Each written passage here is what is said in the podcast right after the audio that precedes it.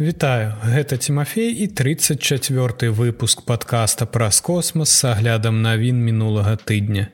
Сёння раскажу пра прыватную місію на Венеру, касмічную станцыю ад Axiom Space.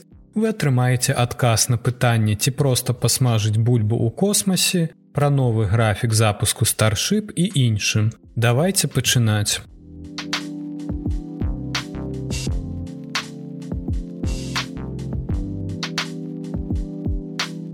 Першая ў гісторыі прыватная місія на венеру адкладзеная як мінімум да 2025 года. Місія рокетлап, якую першапачаткова планавалася запусціць у мінулым месяцы была адкладзена прынамсі да студзеня 2025 года.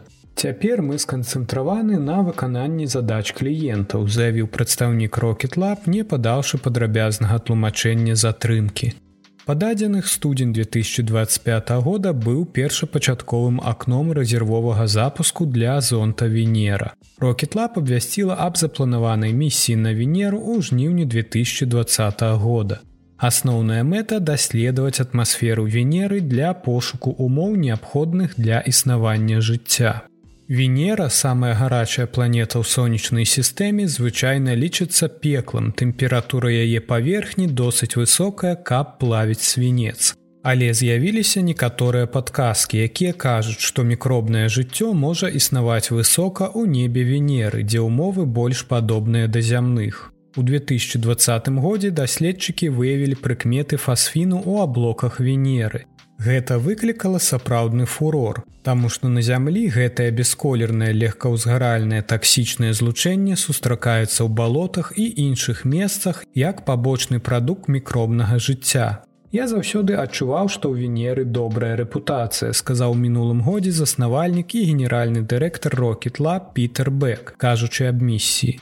Адкрыццё фасфіну стала каталізатарам. Нам трэба адправіцца на венеру, каб шукаць жыццё. Меркаваная знаходка фасфіну на венеры дапамагла абнавіць навуковую цікавасць да другой планеты ад сонца. Напрыклад, NASAа распрацоўвае дзве місіі на венеру, запуск якіх запланаваны на канец 2020 пачатак 2030х гадоў. Зонд прапанаваны рокетлап дабярэцца да венеры раней касмічных караблёў NASAа, а таксама будзе нашмат танней. Місія фінансуецца рокетлап масачусецкім тэхналагічным інстытутам і невядомымі філантропамі і ацэньваецца ў 10 мільёнаў долараў. Гэта ўсяго адзін адсотак ад меркаванага сукупнага кошту абедзвюх маючых адбыцца місіі NASAа на венеру. Зон таксама будзе мініатурным 38 сантыметраў па дыяганалі і вагой усяго 20 кілаграмаў. Малюсенькі зонт пад назвай Венера пакіне зямлю на ракете электрон Рокетла. А затым будзе дастаўлены на пякельную планету аўтобусам касмічнага карабля фотон. Падарожжа зонта да Венеры будзе кароткім 5 месяцаў, але перыяд збору дадзеных будзе яшчэ карацейшы. У зонда будзе ўсяго 3-5 хвілін для збору дадзеных. Калі ён будзе падаць з вышыні ад 60 до 45 кіламетраў у атмасферы Венеры. Вобласці, у якой навукоўцы бачылі прыкметы фасфіну ў 2022 годзе. Зонт не будзе шукаць гэтае хімічнае рэчыва, але будзе шукаць іншыя складаныя арганічныя малекулы, вымираючы іх склад, канцэнтрацыю і форму падчас свайго спуску. Гэтыя дадзеныя будуць адпраўлены назад на зямлю да таго, як зруйнавальны ціск і высокая тэмпература на паверхні венеры знішчаць зонд. Выяўленне арганічных малекул не дакажа, што мікробнае жыццё існуе ў аблоках венеры, але гэта можа указваць на тое, што гэты пякельны свет больш гасцінны, чым лічылася раней.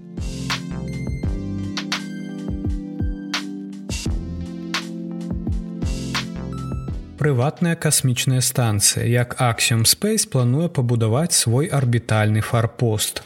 У Axiom Space вялікія планы на нізкую калязямную арбіту. Яны спадзяюцца прыстыкаваць свой першы модуль да МКС да 2026 года. Кампанія з Х'юстона, заснаваная ў 2016 годзе, першай пераправіла ўсіх прыватных асоб на міжнародную касмічную станцыю на борце місіі AX1, запущенай у красавіку 2021 года. Другі палёт кампаніі IX2 на мкс завяршыў васьмідзённую місію ў канцы траўня прывадненнем і бяспечным вяртаннем капсулы SpaceX Крюдраган і экіпажа з чатырох чалавек, які фінансуецца з прыватных крыніц. Трэці палёт AX3 запланаваны на лістапад гэтага года. Кожная місія ўключала ў сябе мноства навуковых эксперыментаў, якія павінны былі праводзіць яе экіпажы. Яксям выкарыстоўвае некаторыя з гэтых даследаванняў для распрацоўкі і выкарыстання ўласнай касмічнай станцыі.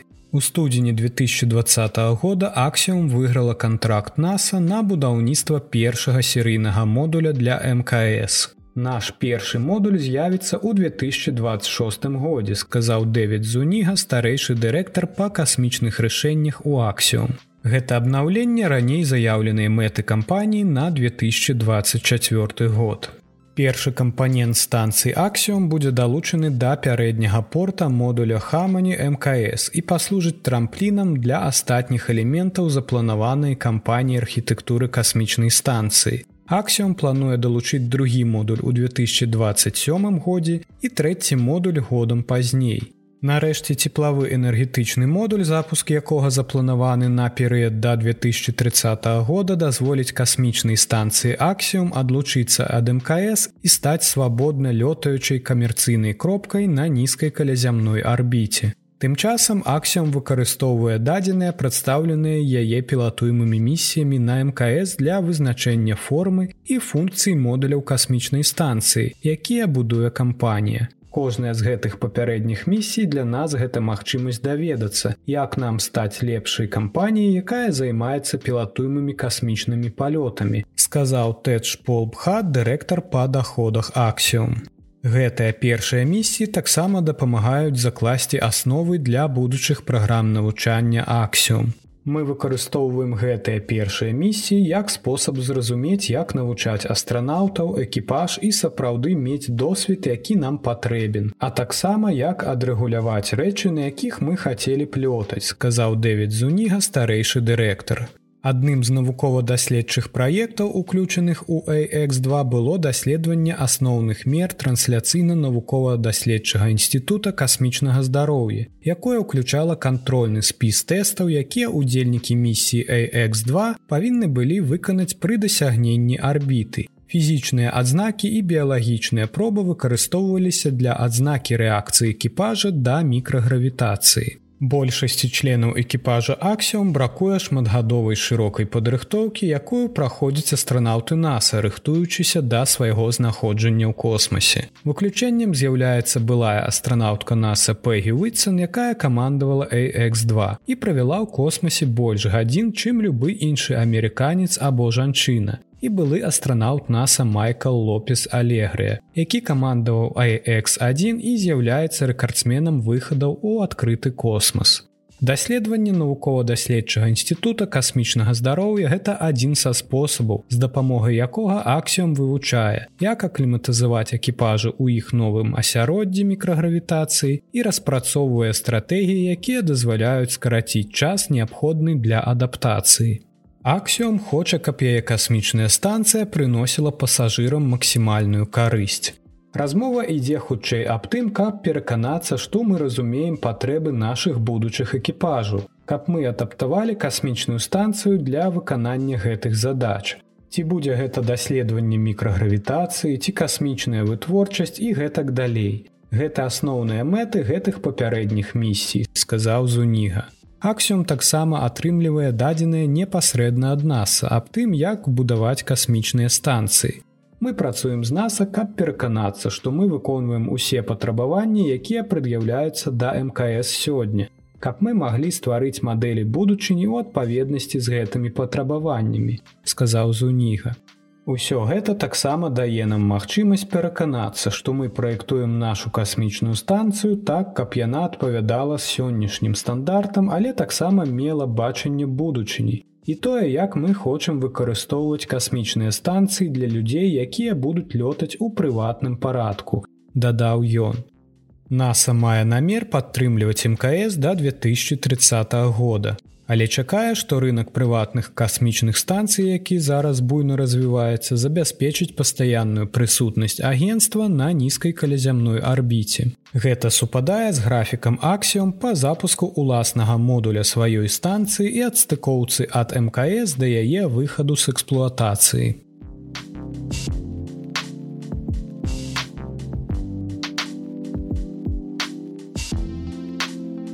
Касмічная ежа ці змогуць марсіянскія астранаўты падсмажыць бульбу фры.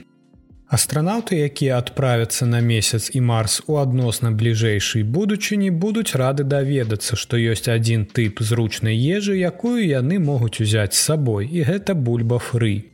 Эксперыменты, праведзеныя еўрапейскім касмічным агенствам паказалі, што смажанне працуе нават ва умовах мікрагравітацыі ў космосе. Даследаванне можа дапамагчы вызначыць, якія працэсы прыгатавання ежы будуць даступныя астранаўтам, калі яны даследуюць іншапланетныя светы. Хоць смажанне з'яўляецца распаўсюджанай тэхнікай прыгатавання ежы ва ўсім свеце, на самой справе яно ўключае ў сябе даволі складаную фізіку. Спытайце любога шэф-повара і ён пацвердзіць, што фізіка і хімія, якія ляжаць у аснове ежы, складаны і займальны прадмет, які пераплятаецца з іншымі навуковымі дысцыплінамі. Казаў член даследчай групы Тодерас Карапанцыя з прафесар універсітэта Арыстотеля ў салоніках у Грэцыі. Напрыклад, некаторыя навукоўцы выказалі здагадку, што без уплыву гравітацыі ці пры вельмі слабой гравітацыі бурбалкі, якія ўтвараюцца падчас смажання, могуць пакрываць бульбу, абараняючы яе пластом, які будзе перашкоджваць правільнай падрыхтоўцы бульбы фры. Навукоўцы выпрабавалі смажанне ва ўмовах мікрагравітацыі, выкарыстоўваючы новы эксперыментальны апарат карусельнага тыпу які быў распрацаваны для бяспекі пры працы ў бязважкасці. Гэта абсталяванне прадухіліла распырскванне алею і падтрымлівала сталы ціск, зніжаючы тэмпературу, пры якой павінна была рыхтавацца бульба. Падчас выпрабаванняў працэс смажання здымалі на высокахуткасную камеру з высокай якасцю, што дазволіла навукоўцам вывучыць хуткасць росту бурбалак, іх памер, а таксама кірунак, у якім яны рухаліся ў алеі. Каманда таксама змагла вызначыць, як хутка бурбалкі вырываліся з бульбы. Апроч бурбалак масла навукоўцы таксама кантралявалі тэмпературу як масла, так і ўнутранай часткі бульбы. Каманда выявіла, што неўзабаве пасля таго, як тэставая бульба была дададзена ў алеі ва ўмовах нізкай гравітацыі, бурбалкі маглі лёгка адлучацца ад яе паверхні, а не пакрываць і абараняць яе. Гэта падобна на тое, як адбываецца смажанне на зямлі. Вывучэнне працэсу смажання ў космасе можа таксама прывесці да прагрэсу ў розных галінах, ад традыцыйнага кіпячэння да вытворчасці вадароду сонечнай энергіі ва ўмовах мікрагравітацыі. Сказаў член каманды і даследчык універсітэта Арыстотеля ў салоніках Джон Люмбас.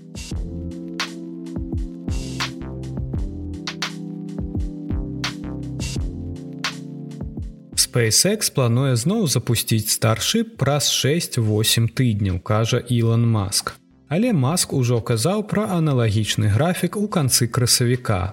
Цалкам сабраны зеркалёт самая вялікая і магутная ракета з калі-небудзь створаных быў упершыню запущены 20 красавіка. Выпрабавальны палёт з касмічнай базы SpaceX у паўднёвым Тэхасе быў накіраваны на тое, каб адправіць касмічны карабель верхняй прыступкі старship на шлях вакол зямлі. Але гэтага не адбылося. У той час, як апарат пераадолеў некалькі важных этапаў, ён сутыкнуўся з некалькімі сур'ёзнымі праблемамі. І SpaceX дала каманду на самазнішчэнне праз некалькі хвілін пасля старту. З тых часоў прыхільнікі SpaceX задаюцца пытаннем, калі старship зноў запусціцца. Заснавальнік і генеральны дырэктар кампаніі Ілон Маск даў надзею, заявіўшы 13 чэрвеня ў твиттары, што кампанія рыхтуецца да яшчэ аднаго старту праз 6-8 тыдняў. Аднак гэты графік можа быць амбіцыйным, улічваючы аб'ёмы падрыхтоўчай працы неабходнай перад другім палётам. Напрыклад, першы старт пашкодзіў арбітальную пускавую установку зорнай базы, узарваўшы пад ёй вялікі кратар і адправіўшы ў палёт кавалак бетону разам з вялізным воблакам пылу і іншага смецця. Нядаўна Маск заявіў, што SpaceX распрацоўвае і тэстуе пласціну з вадзяным астужэннем, якая будзе размешчана пад апорай і прадухіліць паўтарэнне гэтай праблемы. Кампанія таксама можа сутыкнуцца з некаторымі нарматыўнымі перашкодамі. Кааліцыя экалагічных груп у цяперашні час падае ў суд на федэральнае авіяцыйнае ўправленне ЗША, орган, які выдаў ліцэнзію на запуск старшып, заявіўшы, што агенцтва не ацаніла належным чынам патэнцыйную шкоду якую гіганцкі карабель можа нанесці экасістэме паўднёвага Тэхаса і тэрыторыі вакол зорнай базы. Таксама варта адзначыць, што часці да васьмі тыдняў гэта не новае прадказанне маска для старшып. Ён казаў пра аналагічны графік наступнага выпрабавальнага палёту падчас абмеркавання дэбютнага палёту 29 красавіка. Хоць у гэтым выпадку ён меў на ўвазе прагназуемую гатоўнасць Старбейс і старшып не прадказваючы, калі адбудзецца палёт. Я нагадаю, што старшып вышынёй 120 метраў складаецца з ракеты носьбіта першай прыступкі пад назвай суперхэві і касмічнага карабля верхняй прыступкі вышынёй 50 метраў пад назвай старшып. Абодва гэтыя элемента прызначаны для поўнага і хуткага паўторнага выкарыстання, што з'яўляецца ключавым прарывам, які на думку маска зробіць рэвалюцыю ў касмічных палётах. NASA верыць у новую касмічную транспартную сістэму. Агенцтва выбрала старшып у якасці першага пасадачнага модуля з экіпажам для сваёй месячнай праграмы Атэміс. Плануецца, што старшып даставіць астранаўтаў NASAа на паверхню месяца ўжо ў 2025 годзе, калі існуючыя графікі захаваюцца, хоць ёсць вялікая верагоднасць, што гэтага не адбудзецца.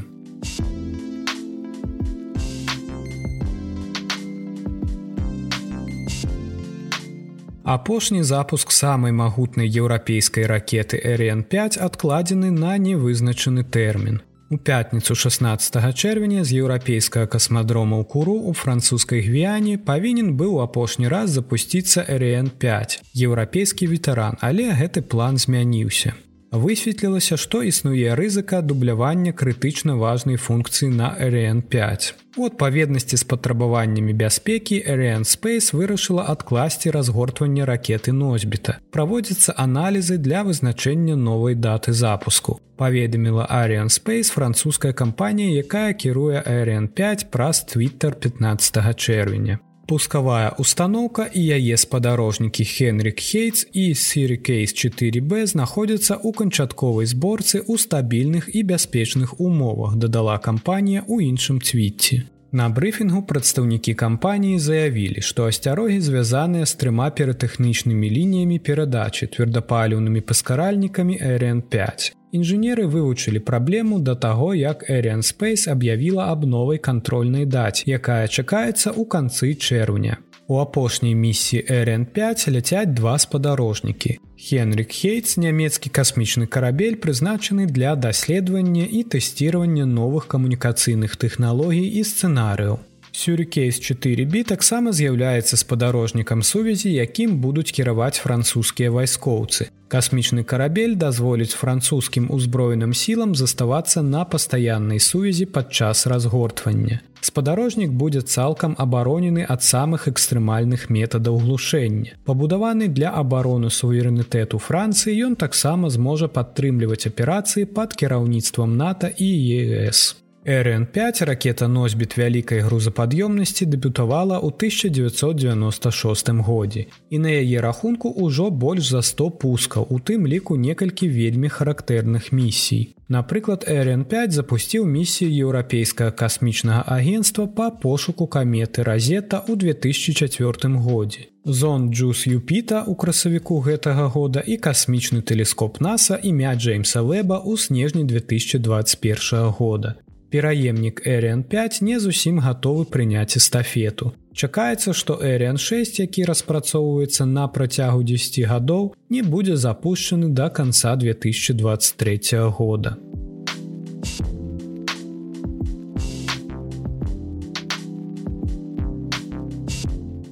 Гэта ўсе навіны, пра якія я хацеў расказаць вам у выпуску. Цяпер пагаворым аб самых цікавых падзеях наступнага тыдня. 21 чэрвеня у паўночным паўшарыі наступіць летняе сонцастаянне. Летняе сонцастаянне азначае першы дзень лета з астранамічнага пункту гледжання. У гэты дзень мы назіраем самы доўгі дзень і самую кароткую ноч. Уявіце сябе зямлю, якая рухаецца вакол сонца ў космосе. Як мы ведаем, наша планета круціцца вакол сонца і круціцца вакол уласнай восі. У яўнай прамой лініі, якая праходзіць праз зямлю ад паўночнага да паўднёвага полюсу. Гэта вось не перпендыкулярныя плоскасці арбіты зямлі, а нахіленыя прыкладна на 23 з паловай градусы. Менавіта таму на працягу года паўночны і паўднёвыя палюсы нахіляюцца да сонца пад рознымі вугламі. Момант, калі адно з паўшаря зямлі дасягне максімальнага нахілу да сонца, называецца летнім сонцастаяннем у гэтым паўшар'і. У гэты дзень яно атрымлівае найбольшую колькасць сонечнага святла, а мы назіраем самы доўгі дзень за год. 22 чэрвеня ноччу ў 3 гадзіны 47 хвілін па беларускім часе ці ў 0047 па грынвічы месяц будзе побач з венерай аб'екты будуць знаходзіцца ў сузор'і рака. Серп месяца, які расце, будзе асветлены на 16соткаў. Вы можете назіраць гэта злучэнне ў бінокль ці неўзброеным вокам. 22 чэрвеня у 1309 па беларускім часе або ў 1009 па грынвічы месяц і марс сустрэнуцца ў сузор'і льва. Месяц будзе асветлены на 19соткаў, таму можна будзе ўбачыць толькі тонкі паўмесяц. Марс будзе адносна бляклым, але яго можна будзе назіраць неўзброеным вокам. Шукайце іх увечары адразу пасля заходу сонца 22 чэрвеня. Дзякуй, што даслухалі да канца. Калі вам падабаецца мой падказ, то вы можете заданаціць на патрыёне. Спасылка будзе в апісанні. Дзякуй тым, хто ўжо далучыўся. На гэтым усё да пабачэння пачуемся на наступным тыдні.